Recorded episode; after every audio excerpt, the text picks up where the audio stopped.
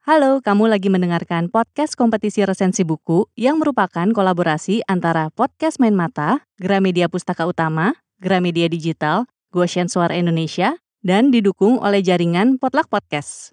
Kali ini kamu lagi dengerin resensi buku dari teman-teman yang berpartisipasi di kompetisi. Selamat mendengarkan. Halo, selamat datang di Coba Baca Podcast bersama saya Andres Nova. Dan saya Ivan. Dan pada episode kali ini kita akan membahas funiculi funicula.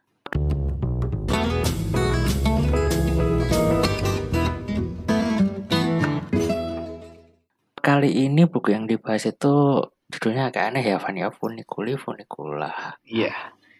Ini buku baru ya. Iya buku baru lima hari yang lalu. Ini kan kita rekaman Oke. tanggal 30. Lima hari yang lalu baru rilis di Gramedia. Oke, dan ini judulnya kayak lagunya lagu lagu klasik lagu Pavarotti kalau nggak salah apa ya? Oh iya, soalnya yang aku baca eh, ketika para tokohnya bertemu dengan kedai funikuli funikula ini kayak ini kayak lirik lagu ya tapi nggak disebutin aja sih. Kalau dari namanya kayak dari Italia Italia gitu ya. Ah, ah, funiculi. Oh. Makanya kan ketika baca judulnya ini funiculi apa funiculi atau gimana? Jadi ya udah kita sepakin funikuli funikula ya. ya. Oke. Tapi ini judulnya bahasa aslinya apa? Judul bahasa Jepangnya apa sih ini? Judul bahasa Jepangnya Kohiga Saminai Uchini. Ada Yang artinya adalah nggak tahu ya tapi ini kayaknya kalau da- dalam bahasa Inggrisnya justru uh, Before the Coffee Gets Cold yang terbit sekitar enam tahun yang lalu pada tahun 2015 tapi kayaknya malah lebih Apa? sebelum apa kopi mendingin kayaknya anyep ya malah ya.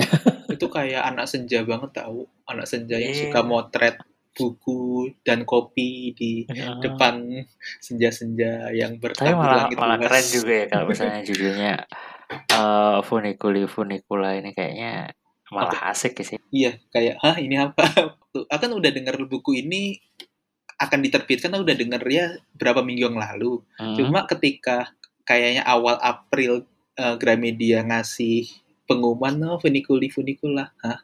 Ini apa? Oke oke. Nah terus eh ketika baca buku ini tuh impresi awal gimana? Aku aku apa ya? Aku beli buku ini kan tanpa ekspektasi apa pun. Ah, ah. Jadi pokoknya aku dengar ini bukunya rame, eh, lagi rame lah berapa minggu terakhir terus begitu aku begitu bukunya sampai tanggal 25 kemarin, aku baca dong sinopsisnya. Mm-mm. Waduh, ini kayaknya sedih deh. kayaknya bawang deh, ini bakal banyak bawang deh di mana-mana. Aku kayak kayak dari sinopsisnya udah kayak menduga deh ini funiculi funicula bakal banyak bawang di Sedih gitu setiap ya. ceritanya. Iya, bakal ya kayak mengharu biru gitulah. Mungkin kayak di salah satu episode kita yang berapa minggu sebelumnya itu kayak pernah bahas juga kan yang yang, Yang mana jika yang, ah, kucing, ah, jika kucing kucing ya, oh, lenyap iya, dari dunia itu kan juga kayak aku aku di situ udah menduga kayak bakal nangis di sini dan beneran nangis dan jadi jadi ketika aku membaca funiculi funicula ya eh, sialan aku menangis juga gitu loh beneran nangis Oh, oh. Kalau aku lihat kan ini nggak ada satu tokoh utama gitu kan, kayaknya mungkin kayak omnibus gitu kali ya tapi omnibus enggak gitu kan. ah. Nah Iya. itu karena apa? Karena banyak kisah sedih itu berarti dia kayak apa ya? Seperti novel-novel yang hanya menjual kesedihan belaka gitu atau gimana itu? maksudnya kalau Biasanya yang kita Jepang-Jepang kan muram-muram kayak gitu kan kayak itu muram kali itu.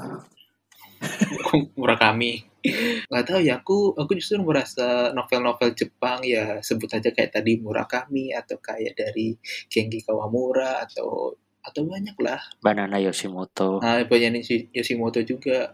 Ya aku ngerasa kayak kayak novel-novel itu punya apa ya ide yang ajaib atau yang kayak mind blowing lah kayak out of somewhere. Terus kayak bisa aja gitu ide unik muncul di setiap karya-karyanya. Ya kayak Murakami yang dengan ada dunia dengan dua rembulan yang ada di langit Tokyo kalau nggak salah di novel apa?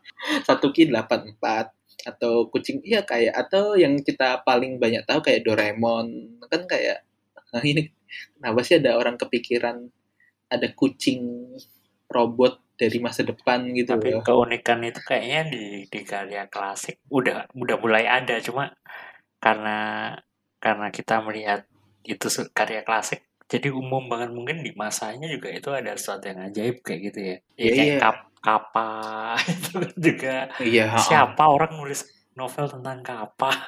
misal kayak apa kan yang klasik kan kalau ini kan kayak yang Hmm. baru-baru ya kayak Hmm. Murak Murakami atau geng gitu kan ya masih era sekarang gitu dan Mm-mm. dan mereka kayak mereka bisa bikin ide se unik gitu ya ide mereka nggak liar tapi unik kayak ya gitulah Lalu apa yang unik di di novel ini? kepikiran gak sih soal ada ada mesin waktu itu dari sebuah kedai kopi kecil di tengah kota kepikiran gak sih itu sebagai ide Bentar, bentar. Mesin waktu di kedai kopi itu gimana maksudnya kalau kalau Doraemon kan laci ya laci jadi mesin Iya. waktu tuk tuk tuk dia pergi ke masa Mm-mm. terus dulu pernah ada waktu kecil tuh ada eh, mesin waktu paling unik yang pernah ku ketahui adalah teko ajaib Ya, nah kalau ini gimana sih Nah kalau misalnya pakai referensi barat ya, barat itu kan kalau mesin waktu itu kan udah kayak ada peralatan canggih, teori-teori Ah. fisika, kuantum, segala macamnya itu yang yang kayak pusing gitu lah. Iya, tapi- iya, iya.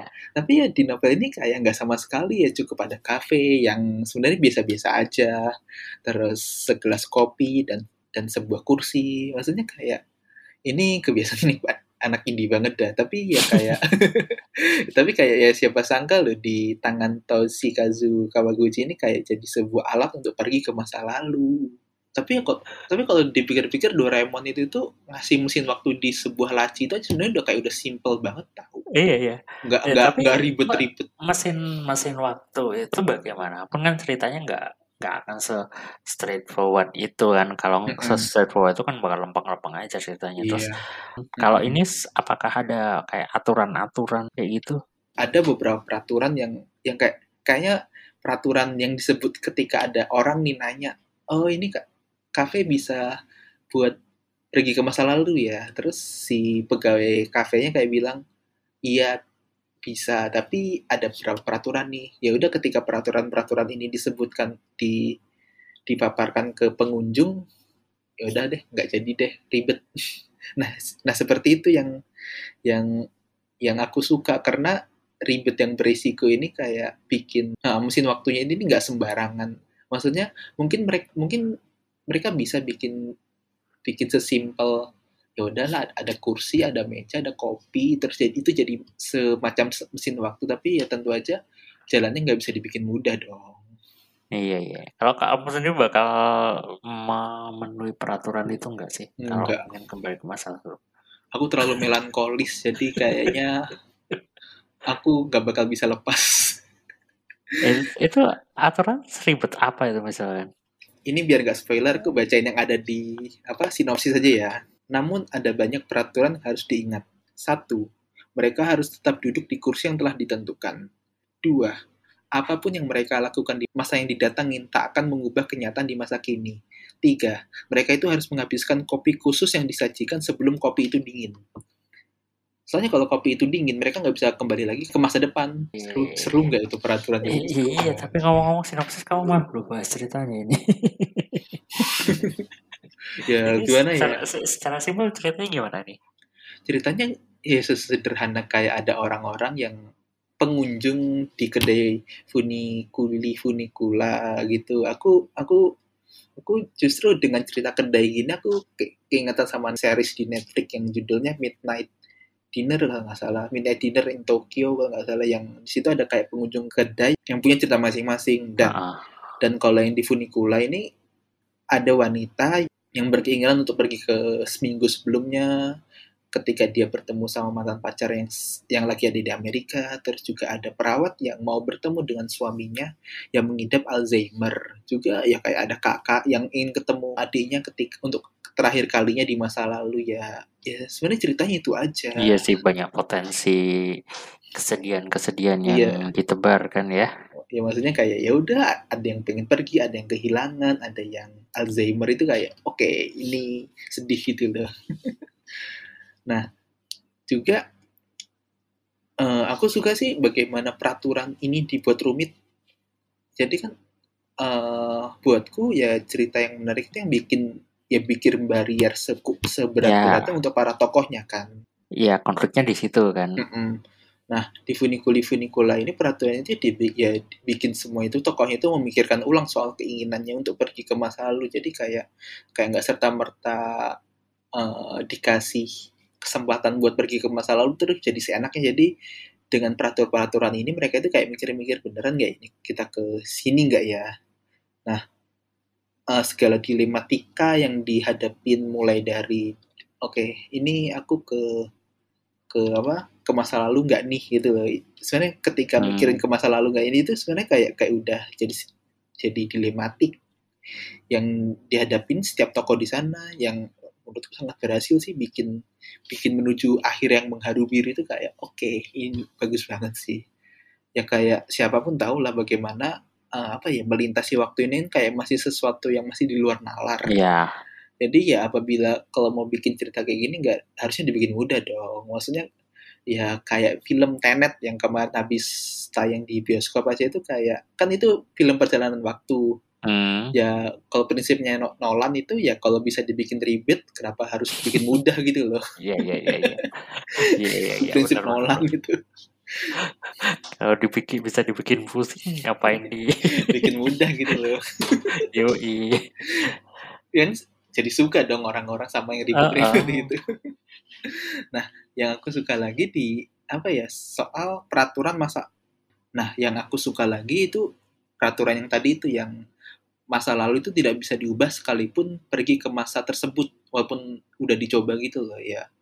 Ya, ini kan kayak... Berarti ketika kembali ke masa depan lagi, ke masa sekarang gitu. Hmm uh, itu ya tetap misalnya tetap dia, dia menyelamatkan adiknya yang sudah meninggal misalnya nggak jadi mati gitu kenyataannya kan tetap dia udah ketika meninggal. kembali ke sini ya udah berarti kayak di parallel world lah ya iya ya kenyataannya tetap dia sudah meninggal atau dia tetap pergi atau ya seperti itu jadi iya oke oke okay.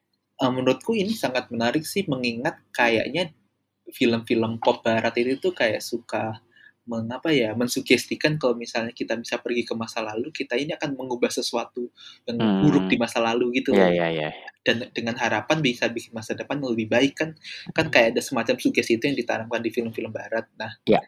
ketika dikasih peraturan kayak gini jadi kayak nah gue ngapain ke ke ke masa lalu dong kalau misalnya gue nggak ngubah apa pun gitu loh menarik sih jadi ya, tapi Iya sih, walaupun ngapain juga ya. Ngapain. Nah, terus aturan-aturan kayak gitu tuh maksudnya yang siapa yang bikin kafe itu kenapa bisa jadi kayak mesin waktu gitu? Apakah diceritakan di situ? Nah, itu yang nyebelin di di novel ini nih nyebelin tuh itu. Nggak nggak ada nggak ada sama sekali jadi ya? out of nowhere kayak gitu iya, terus gak, langsung cerita omnibus kayak gitu ya. Ya pokoknya ya udah di, udah dikasih setting udah dikasih tempat nih tempatnya kayak gini peraturannya gini ya udah ceritanya ceritanya berjalan emang kayak nggak ada penjelasan lebih lengkap lah kenapa kenapa ada peraturan ini siapa yang ngasih tahu peraturannya pokoknya ini udah udah kedai lama gitu lah ya udah paten ya, oh, gitu ya. udah kayak ya siapa pun di situ ya udah menjalankan peraturan ada di situ. Uh, tapi ya kayak ya kayak ngapain juga ya kok maksudnya ini ceritanya udah bagus maksudnya ngapain harus ngeribetin ini nggak jelas gitu maksudnya jadi kayak nggak menyenangkan aja gitu loh kalau misalnya tiba-tiba harus dipikir hal-hal yang kayak gini diribetin terus bikin cerita padahal ceritanya udah bagus. Lemong dari tadi kamu cerita apa? Kan Enggak kamu sih. main aman nggak mengeluarkan spoilernya aku nggak tega tahu kalau misalnya pengen apa ya ini buku bagus jadi kayak kayak kenapa harus aku ceritakan? Maksudnya aku iya suka. iya sih biar biar pembaca menikmati ceritanya ya. Oh jadi ya udah kita kasih pengantar ini buku keren dengan ini ini ini tapi kayak ya udahlah baca aja serius ini buku yang cukup mengharu biru lah. Apa yang tertinggal setelah membaca buku ini? Apa ya dengan dengan segala apa yang dilewatin para tokohnya dengan dilematika yang dihadapi tokoh ketika para tokoh benar-benar pergi ke masa lalu itu kayak kayak apa ya? Aku semacam maksudnya serius aku kayak berapa kali nggak nggak sampai nangis terseduh-seduh sih cuma kayak aduh basah gitu basah ini mata. Ya kayak betapa kehadiran orang-orang tersayang orang-orang terdekat itu ya berarti sekali ya segala momen kebersamaan itu kayak kayak kita nggak pernah tahu ini akan selamanya atau tidak. Ya kalau boleh mengutip kalimat dari salah satu tokohnya yang kurang lebih kurang lebih tuh kayak gini uh, masa lalu itu emang nggak bisa berubah tapi bisa mengubah hati seseorang menjadi lebih besar